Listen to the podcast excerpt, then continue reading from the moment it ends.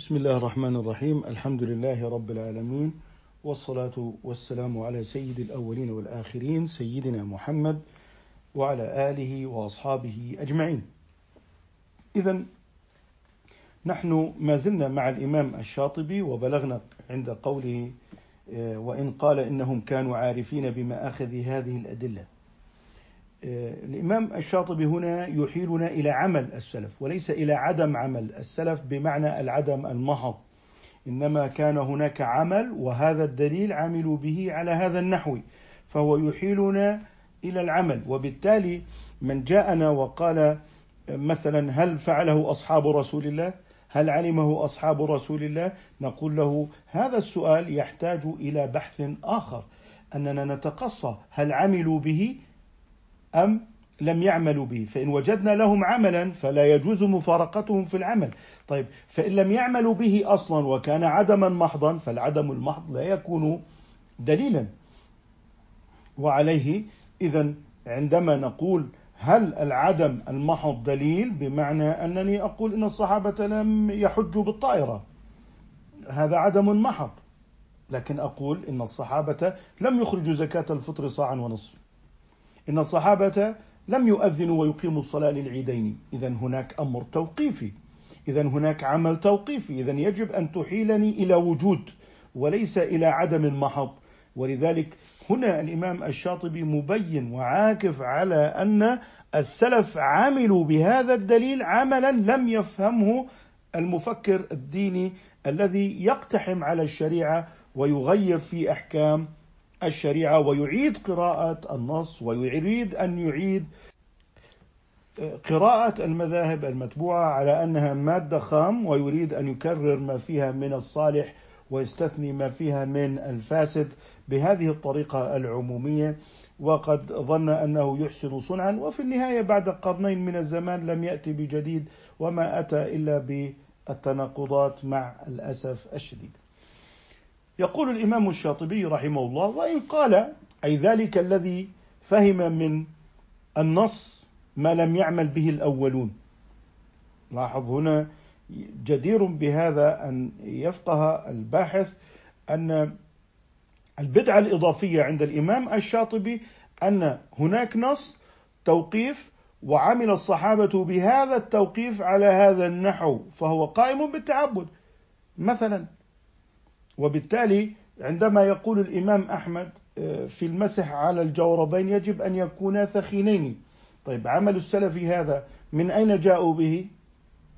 الإمام مالك اشترط أن يكون الخف مجلدا آه، هذا المذهب.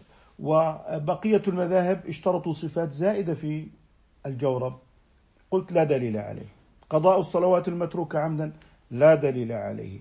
مس المصحف دون طهارة لا دليل كلها لا دليل عليه كلها إعادة قراءات النص من جديد. لا يمسه إلا المطهرون هم الملائكة. إذا لماذا هذا الإشكال؟ لأنه غفل عن عمل السلف وهذا العمل كما قلت ليس محكيا في كتب الرواية إنما هو مثبت في السنة العملية المتصلة في المذاهب المتبوعة التي أنكرها أصلا. وبالتالي هو أنكر المحجة البيضاء ثم ذهب ليعيد تفسير المتشابهات فاختلطت عليه وكثرت ثم غلط بعد ذلك أئمة السلف الذين عملوا بصلاة التراويح عشرين وعملوا على هذا النحو في المسح على الخف والمسافة في آه، صلاة السفر. فمن أين نأخذ مسافة السفر؟ لا يوجد في ذلك نص في الكتاب ولا نص في كتب الرواية. من أين نأخذه؟ فذهبنا إلى عمل الأمة فقال لا دليل عليه حتى لو خرجت وصليت بعد الدار بقليل أو صل في الدار خذ بالرخصة في الدار فاجمع في بيتك. مثلا إيه، لاحظ إيه، لما تنكب المحجة البيضاء كيف حصل معه؟ لماذا يجمع في بيته؟ ما الدليل على أنه يجمع في بيته؟ يصلي الظهر والعصر مع بعض في بيته. قال يجمع ولا يقصر. أهو مسافر؟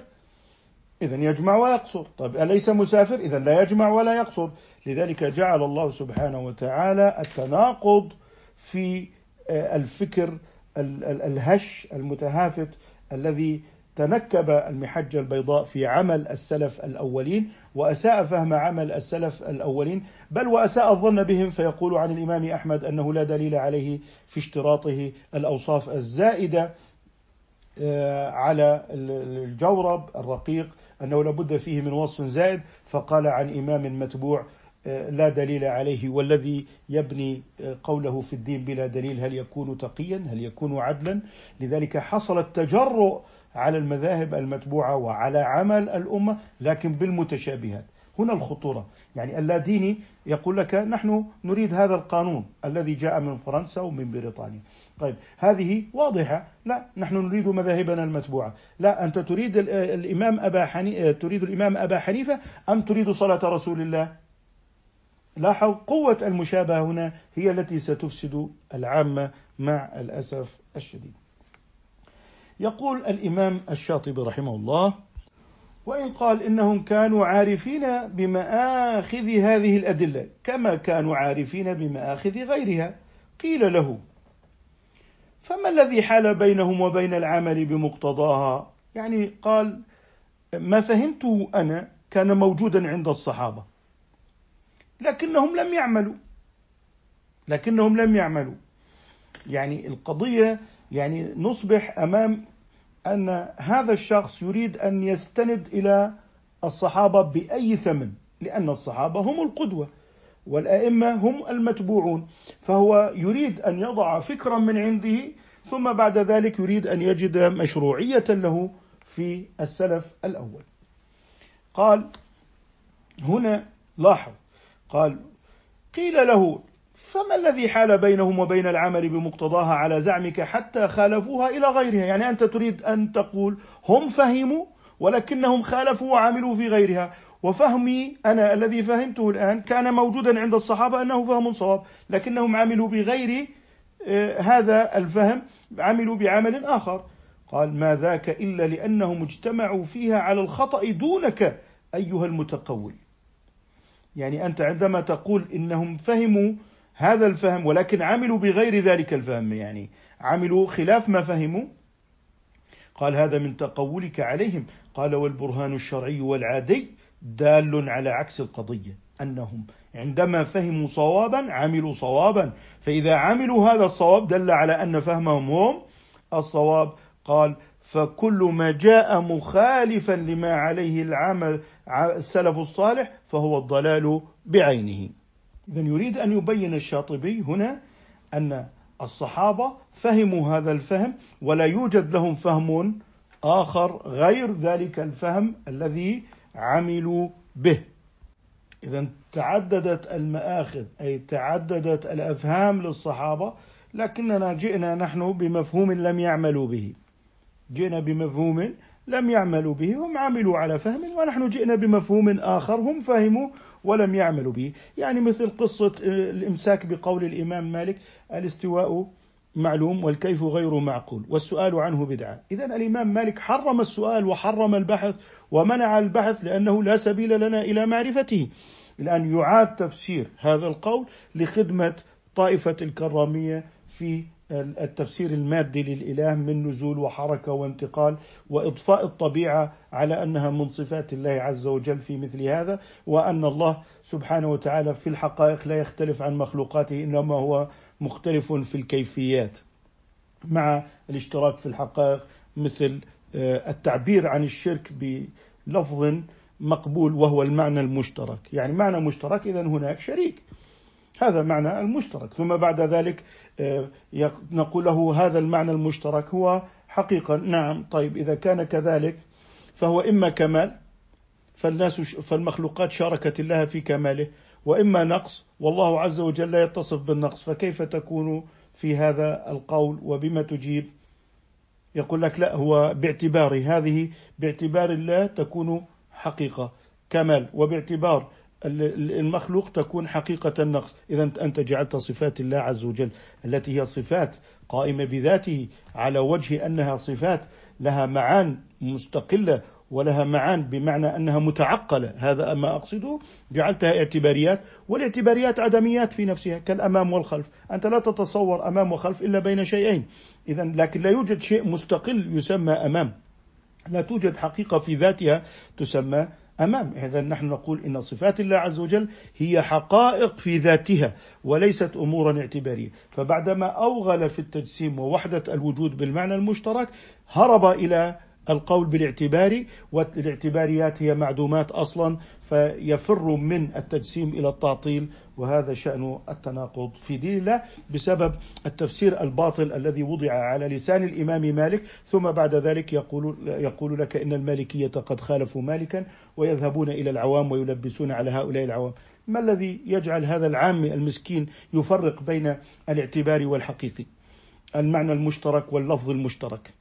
كيف يفرق هذا العامي ثم بعد ذلك حشد هؤلاء العوام ضد العلماء وضد المذاهب المتبوعة وضد أهل السنة مع الأسف الشديد في حالة من التعبئة العامة والتفريق بين المؤمنين وإعادة إحياء فكر الطوائف. ثم بعد ذلك يأتي الإمام النووي يأتون به لمحاكمته على قواعد الكرامية وبذلك يكون الإمام النووي إمام وقع في بدعة. ولكن حتى لا نثير الخصوم علينا نقول إنه وقع في البدعه لكنه ليس مبتدعا. بدع في العقائد كيف يقع الأئمة المتبوعون في الدين في بدع العقائد مع الأسف الشديد. اذا سيقول لك الإمام مالك كان فاهما لذلك. ولكنني أنا الذي بعد قرون طويلة عبرت عما كان في قلب الإمام مالك، والإمام مالك يقول والسؤال عنه بدعة.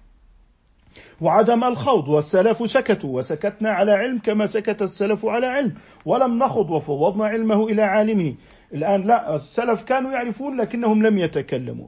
هذا هو الذي يناقشه الإمام الشاطبي أنه يريد أن يأتي الخلف بعد القرون المتطاولة وفي زمن ضعف الهمم وضعف الملكات يريد أن ينتحل فكرا لطائفة معينة ويريد أن يركب هذه الطائفة على ظهور السلف ثم بعد ذلك نأتي ويقول إن المالكية قد فارقوا مالكا في العقيدة لكنهم وافقوه في الفقه ثم يأتي قوم ويقول إن المتأخرين فارقوا السلف المتقدمين ثم السلف المتقدمون خالفوا مالكا ثم إذا جئنا إلى مالك نقول هو غير معصوم.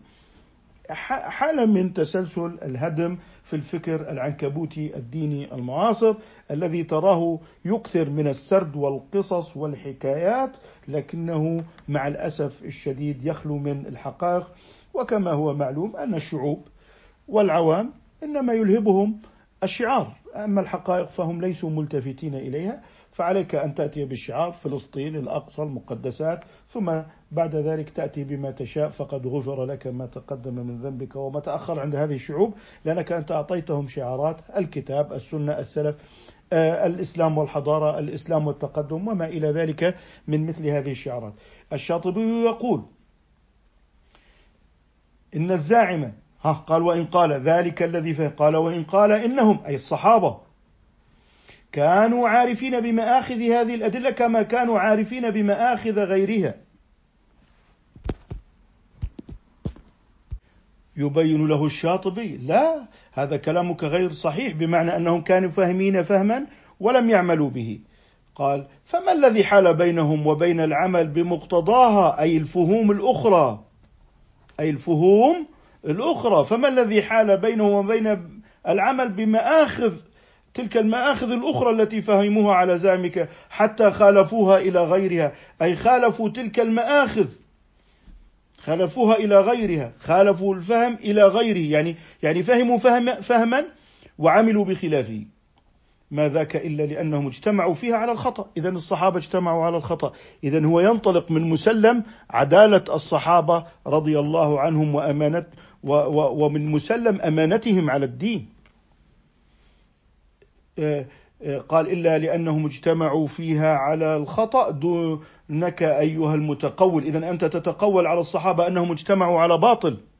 يعني يفهمون فهما ويعملون بخلافه. لأنك تريد أن تقول إن كلام الإمام مالك مثلا في هذه المسألة فهم ذلك ولكنه لم يقل كما هو الحال لما قال والسؤال عنه بدعة ووضعت كل هذا الركام في تعدد ذات الإله يد ووجه وعين وقدم ووضعت كل هذا الركام على قول مالك رحمه الله وأن الله عز وجل نحن نثبت أنه استوى. نحن مثبتون للاستواء لكن عليك أن تقول هل هو علو مادي؟ حسي. إذا نحن أثبتنا الاستواء لكننا لا نقول بالنسبية بين الإله والطبيعة تلك النسبية التي تقولها الكرامية وأن الإله محدود من جهة السفل هذا قول الكرامية وليس من عندك وليس قول السلف إنما جئت به بناء على فلسفتك الطبيعية في الوجود وهو أنه ما خرج عن الحس لا يكون علما وبالتالي أن الله عز وجل هو له نسبة مع هذا العالم نقول لك مثلا هذا الذي وضعته على قول مالك هذا الوضع على ألسنة السلف. آه، أقول لك قبل أن يخلق العالم هل كان الله داخل العالم أم خارجه؟ ماذا ستقول؟ ليس داخل العالم ولا خارجه لأن العالم غير موجود. طيب بعد أن أحدث الله العالم هل حدثت له صفات زائدة؟ إذا الله عز وجل كما يقول النبي صلى الله عليه وسلم أنت الظاهر ليس فوقك شيء وأنت الباطن ليس دونك شيء. إذا هذا كلام النبي صلى الله عليه وسلم هذا ما فهمه مالك أنك لا تتعقل كيفيات بالنسبة للإله سبحانه وتعالى لأنه ليس محدودا بحدود الطبيعة. من الحصر في مكان محسوس وهل بعد ذلك تسأل هل هو مساو للعرش أم أم هو أعرض من العرش؟ هذا هذا هذا تقول على السلف ثم أن تأتي وتضع كلام كلاما. سكت عنه الصحابة وسكت عنه مالك وسكت عنه السلف ثم تقول هذا هو قول السلف رضي الله تعالى عنهم. والإمام أحمد يقول لك لا معنى. يعني أنه بلا معنى هذا. نحن بالنسبة لنا لا نعلمه لكن الدليل فيه المعنى. لكن تشابه علي أنا ولكن الله لم ينزل طلاسم. لا أنزل أنزل كلاما بينا وابتلاني بأن أفوض له العلم أن أفوض له العلم وهذا غاية الإيمان التسليم بأننا لا نبحث في ذات الله عز وجل ولا في ماهية صفاته لأن الفرع لا يفهم إلا مع الأصل فلا نفهم الصفات آه، في الماهيات إلا إذا فهمنا الذات. اذا هنا يبين الشاطبي لا تقل إن السلف فهموا فهما أنا سأشرحه لكم بعد عشرة قرون. ولم يصرحوا به ولم يعملوا به، اذا هنا إبطال التقية في الدين. إبطال التقية في الدين. ما في تقية في الدين. الدين واضح ها هو إما عمل واضح وإما نص واضح.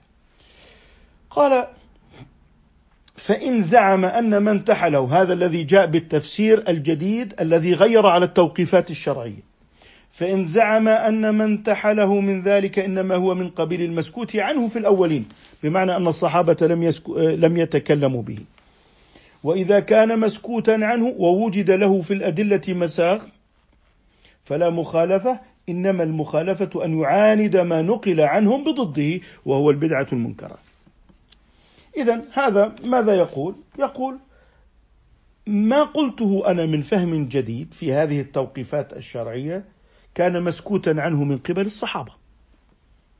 بمعنى لم يبحثوا فيه. قال ووجد له في الأدلة مساغ. بمعنى أنني أقول إن ظاهر النص محتمله. إن ظاهر النص محتمله. وبالتالي أنا بدي أتبع النص وليس قول السلف. في النهاية أقوال السلف التسليم في هذه المتشابهات التي هي متشابه الحقيقي. التسليم. الآن أنا سأعيد النظر في النص وسأخرج من هذا النص وهي العقائد. مثلا العقائد توقيف. العقائد توقيف. يعني الاستواء سكت الشرع سكتنا اقتداء بالشرع لأنه سكت على علم ولطف بعباده لأنهم لا يدركون ماهية الذات ولا ماهية الصفات ولم يكلفهم الله عز وجل ما لا يعني يطيقون. لأن قال أنا فهمت أنه اليد هي أعضاء والقدم أعضاء وفهمت أنه في رداء وفي أيضا آه، أنه مساحة وأضفت من عندي الحسيات. تمام؟ إضافة الحسيات على صفات الله عز وجل.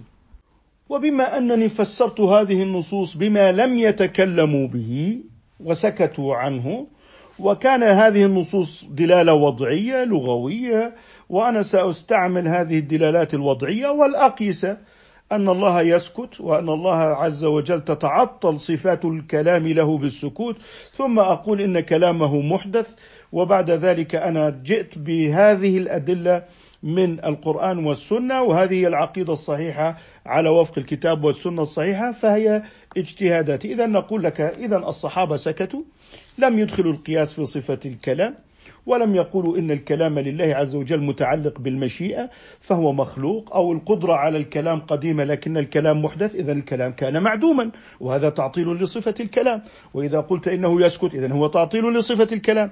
طيب اذا هذا تعطيل صفات الله. إذا من أين أتيت بهذا؟ القياس.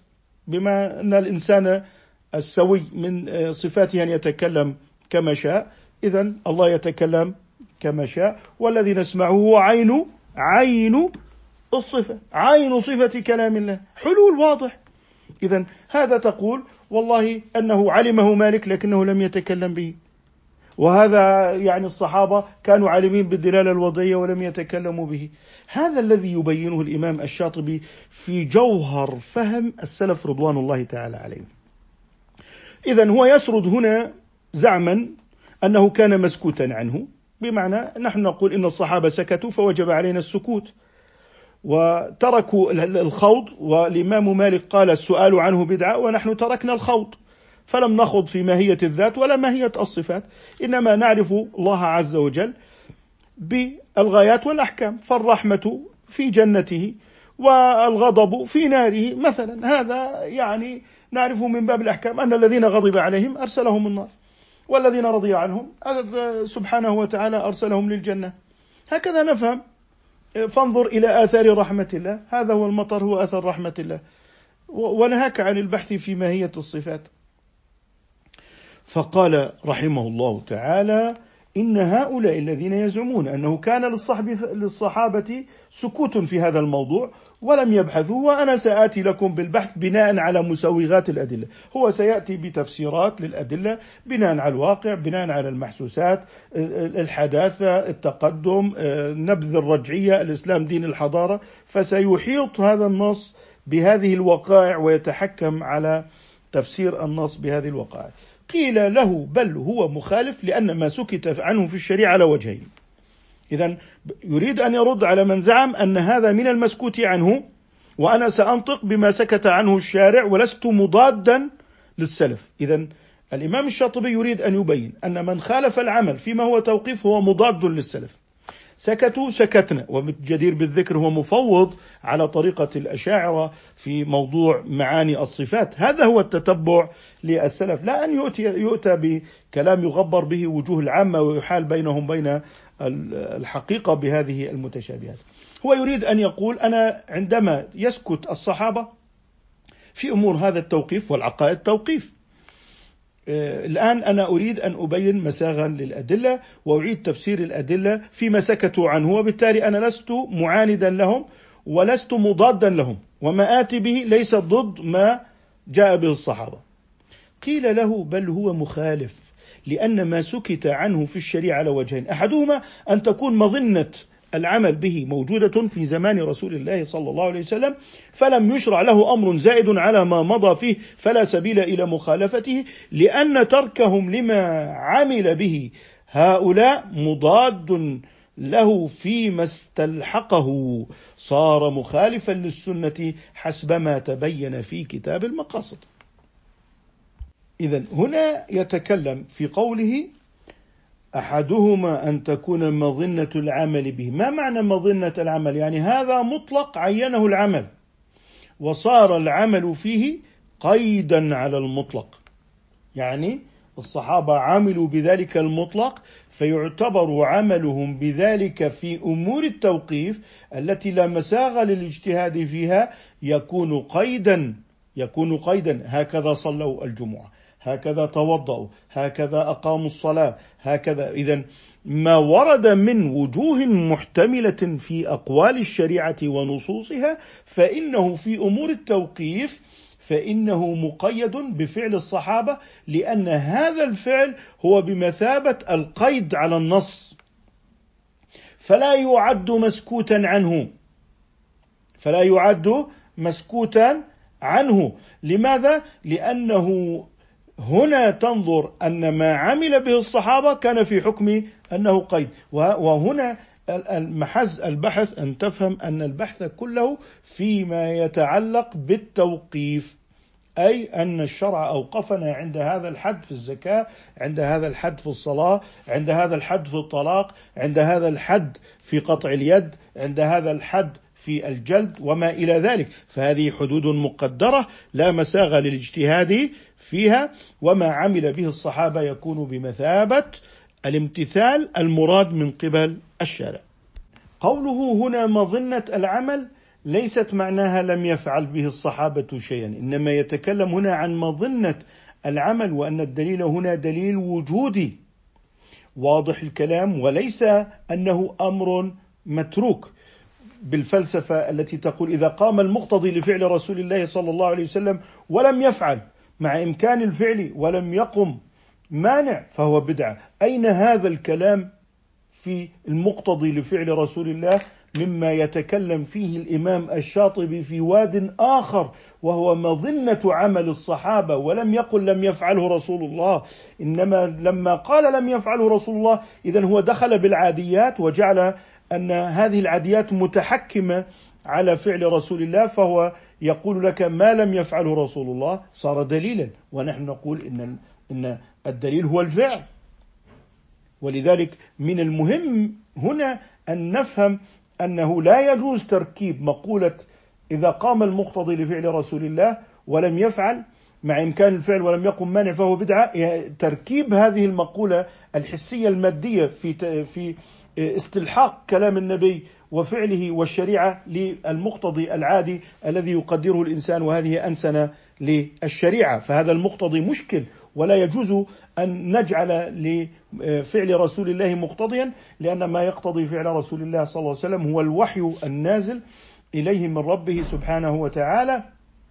وبالتالي سيكون هناك تفسير تاريخي للدين وإعادة تحكم العدم الطبيعي على آه، كلام النبي صلى الله عليه وسلم فعندئذ سيتحول الدين إلى حالة تاريخية والتاريخ من العاديات وإعادة آه، إلحاق النبوة بالعاديات والحسيات كما حدث من قبل في الفلسفة الحسية التي فسرت الإله بالزمان والمكان والحس والحجم والوزن وما إلى ذلك من كل هذه المحدثات التي هي من كلام الطوائف ودست على كلام أئمة السلف رضي الله تعالى عنهم فالسلف أحجموا وكانوا خائفين من ربهم فلم يخوضوا آه، ولم يزيدوا على ما جاء آه، على آه، يعني لسان المؤمنين. آمنا به كل من عند ربنا. إذا في هذه النقطة يقول لك إن ما سكت مظنة العمل أن أن تكون مظنة العمل به اللي هو ما سكت عنه الصحابة موجودة. موجودة آه، في زمان رسول الله صلى الله عليه وسلم فلم يشرع له أي لذلك العمل الذي كان على عهد الرسول صلى الله عليه وسلم واستمر بعده في عهد الصحابة فلم يشرع له أو لم يشرع له أمر زائد على ما مضى فيه. يعني يقول لك إن هذا العمل الذي جاء به الصحابة هو كان متصلا بعهد رسول الله صلى الله عليه وسلم. فلذلك لم يتركه الصحابة لأن هذا العمل هو الذي جاء به الصحابة رضي الله تعالى عنهم في عهد النبي تفسيرا لذلك النص. لأن تركهم لما عمل به هؤلاء أي هذا الذي يعني آه، يريد أن يترك ما عمل به السلف. مضاد له أي مضاد لعمل السلف. اذا عمل الصحابة مستمر ومتصل بعمل النبي صلى الله عليه وسلم. هذا هو النص المطلق هذا هو النص العام مقيد آه، بتوقيف من جهة الشارع في هذه الأعمال. الآن أنت قلت هو مسكوت عنه نقول لك هذا ليس ممن هو مسكوت عنه بل هو العمل المستمر. طيب فمن استلحقه ما معنى فمن استلحقه؟ أي اعتقد أن عمل السلف لاحقا لما كان عهد النبي صلى الله عليه وسلم أي لم يكن موجودا. صار مخالفا للسنة أي السنة التي كانت موجودة في عهد النبي صلى الله عليه وسلم حسب ما تبين في كتاب المقاصد. اذا يريد أن يبين لك إياك أن تعد عمل الصحابة لاحقا أي لم يكن موجودا على عهد رسول الله بل هو عمل ممتد. بما أنه كان في عهد رسول الله صلى الله عليه وسلم اذا هذا قيد على النص وقت التنزيل وليس قيدا على النص بعد وفاة رسول الله صلى الله عليه وسلم. اذا العرف حيث قارن الخطاب وقت التنزيل كان مخصصا العرف حيث قارن الخطاب وقت التنزيل كان مخصصا مثل والوالدات يرضعن أولادهن حولين كاملين لمن أراد أن يتم الرضاعة. الان الآن الشريفة لم تكن ترضع على عهد رسول الله صلى الله عليه وسلم. الشريفة لم تكن ترضع على عهد رسول الله صلى الله عليه وسلم، فاعتبر هذا العرف مخصصا للنص. لا أن تأتي بعرف بعد نزول النص وتريد أن تخصص به النص. إذا استمر الصحابة على هذا العرف. أين موجود هذا العرف؟ مقرر في كتب السنة. مثلا أبيحت ذبيحة الكتابي طب الكتابي لم يكن يسمي بسم الله والله أكبر. لذلك صار مخصصا من قوله تعالى ولا تأكلوا مما لم يذكر اسم الله عليه. إذا والعرف حيث قارن الخطاب ودع ضمير البعض والأسباب. إذا عليك أن تتبين أيها الباحث في مجال السنة أن هناك العرف الذي يمكن أن يخصص النص وهو عمل الصحابة رضي الله عنها. لم يكن يخل لم يكونوا يخللون أصابع أقدامهم واستمروا على ذلك. إذا يريد أن يبين لك إياك أن تستلحق عملا. وهو من أمور التوقيف أي أن تعده لاحقا أي أن تعتقد أنه لم يكن موجودا على عهد رسول الله بل كان على عهد رسول الله وما هذا الذي تراه إلا استمرار من فعل الصحابة لما كانوا عليه في ما يتعلق بفعل النبي صلى الله عليه وسلم وفعل الصحابة بمحضره عليه الصلاة والسلام. فمثلا ما يتعلق بالطلاق ثلاثة. كان الناس قبل عهد عمر رضي الله عنهم كانوا يجعلون الطلاق بالثلاث واحدة. ما معنى ذلك؟ أنهم يطلقون طلقة ثم يطلقون أخرى ثم يطلقون الثالثة. هذا معنى إيقاع الطلاق بالثلاث واحدة. فلما جاء عهد عمر ماذا يقول الراوي؟ إن الناس قد استعجلوا وهو قول عمر إن الناس استعجلوا أمرا كان لهم فيه أنا. يعني كنتم توقعون الطلاق الثلاث واحدة أي واحدة واحدة واحدة. لكنكم استعجلتم فأوقعتم الثلاث ثلاثا. فصارت معا. فأمضى عليهم أن الطلاق ثلاث ثلاثا.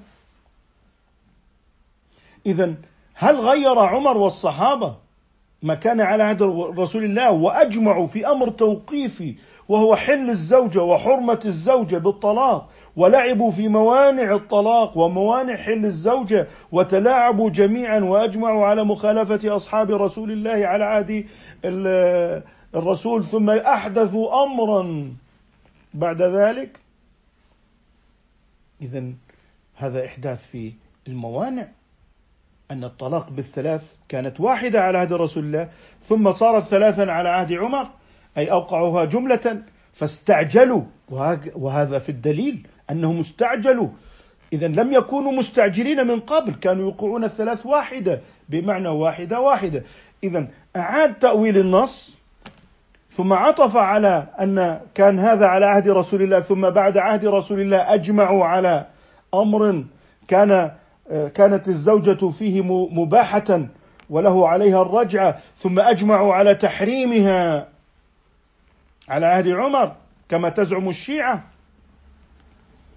إذا هذا قول الشيعة وليس من عندك.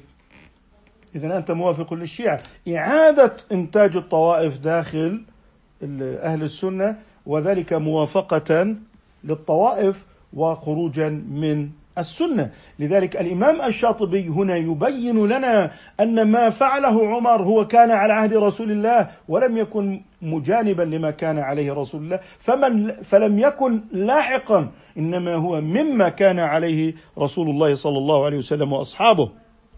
الآن هذا ما ذكره في كتاب المقاصد وهو فيما يتعلق بموضوع الترك وهل يكون الترك حجة في المسألة الرابعة فهناك تفصيله في هذا الأمر عند قول الشاطبي فالجواب أن هذا كله ليس مما وقعت الترجمة عليه فإن الفرض أن الفعل مخالف للفعل الذي وضعه الشارع فهناك تفصيله ويفصل في محله إن شاء الله تعالى.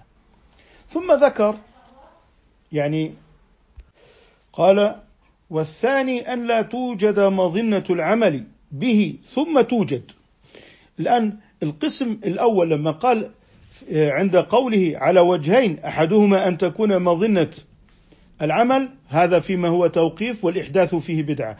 الثاني هذا يريد أن يميز بين ما هو تدخله البدعة وهو أحدهما وهذا الثاني لا تقع فيه البدعة.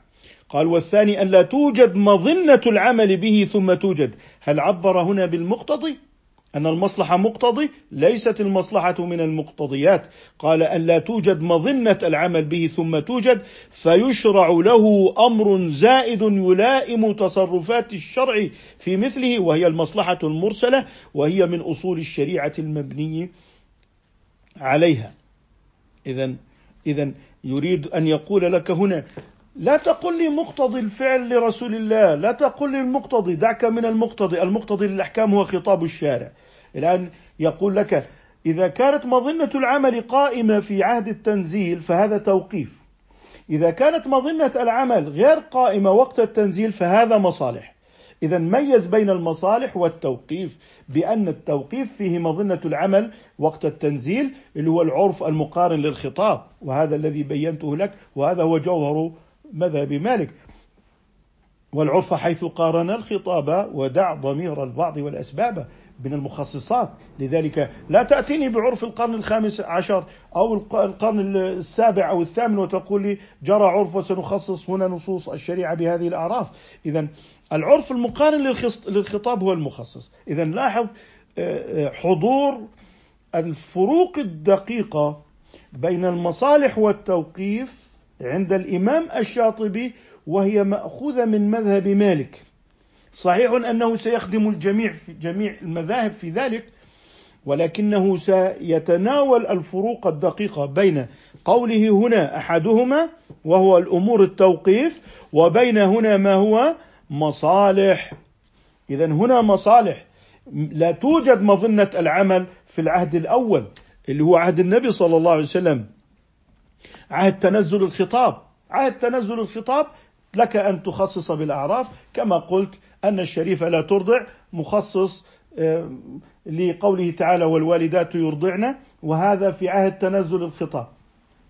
إذا المخصص في عهد تنزل الخطاب. ثم تأتي بعد ذلك تلفق الأعراف المعاصرة وتريد أن تخصص بها الخطاب وتخصص من غير دليل شرعي إذا إذا المخصص هو الشارع وليس العبد. إذا هنا يفرق. قال والثاني أن لا توجد مظنة العمل به ثم توجد. إذا هذه هي المصالح. مظنة العمل غير موجودة في عهد التنزيل.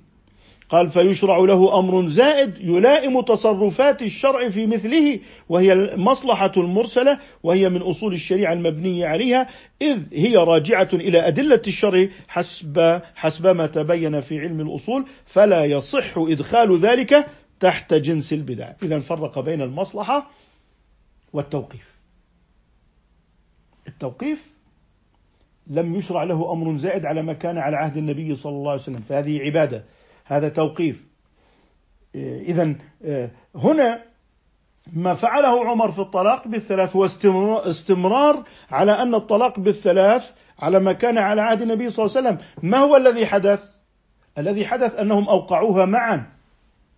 كانوا يوقعونها واحدة واحدة. هكذا يفسر في كتب الشريعة في الموطأ وما إلى ذلك. هكذا تفهم الشريعة. أما الفهم الحادث بأن يخترع إجماع من عمر والصحابة على ضد ما كان عليه رسول الله صلى الله عليه وسلم ويوافق الشيعة في هذا القول هذا عندئذ يكون من العبث. نسأل الله السلامة بسبب عدم فهم أن ما كان من التوقيفات على عهد الصحابة هو مستمر من عهد الرسول صلى الله عليه وسلم ويجب أن يبقى مستمرا إلى يوم الدين. أما ما كان مظنة العمل به لاحقة فعندئذ هذا يكون من باب المصالح ومن باب أنه يفصل فيه هذا التفصيل الدقيق بين التوقيف والمصلحة. وليت من تكلم في البدع على لسان الشاطبي فيما يتعلق بالبدع الإضافية أن يرجع إلى هذه الفقرة في قوله قيل بل هو مخالف لأن ما سكت عنه في الشريعة على وجهين. أحدهما والثاني.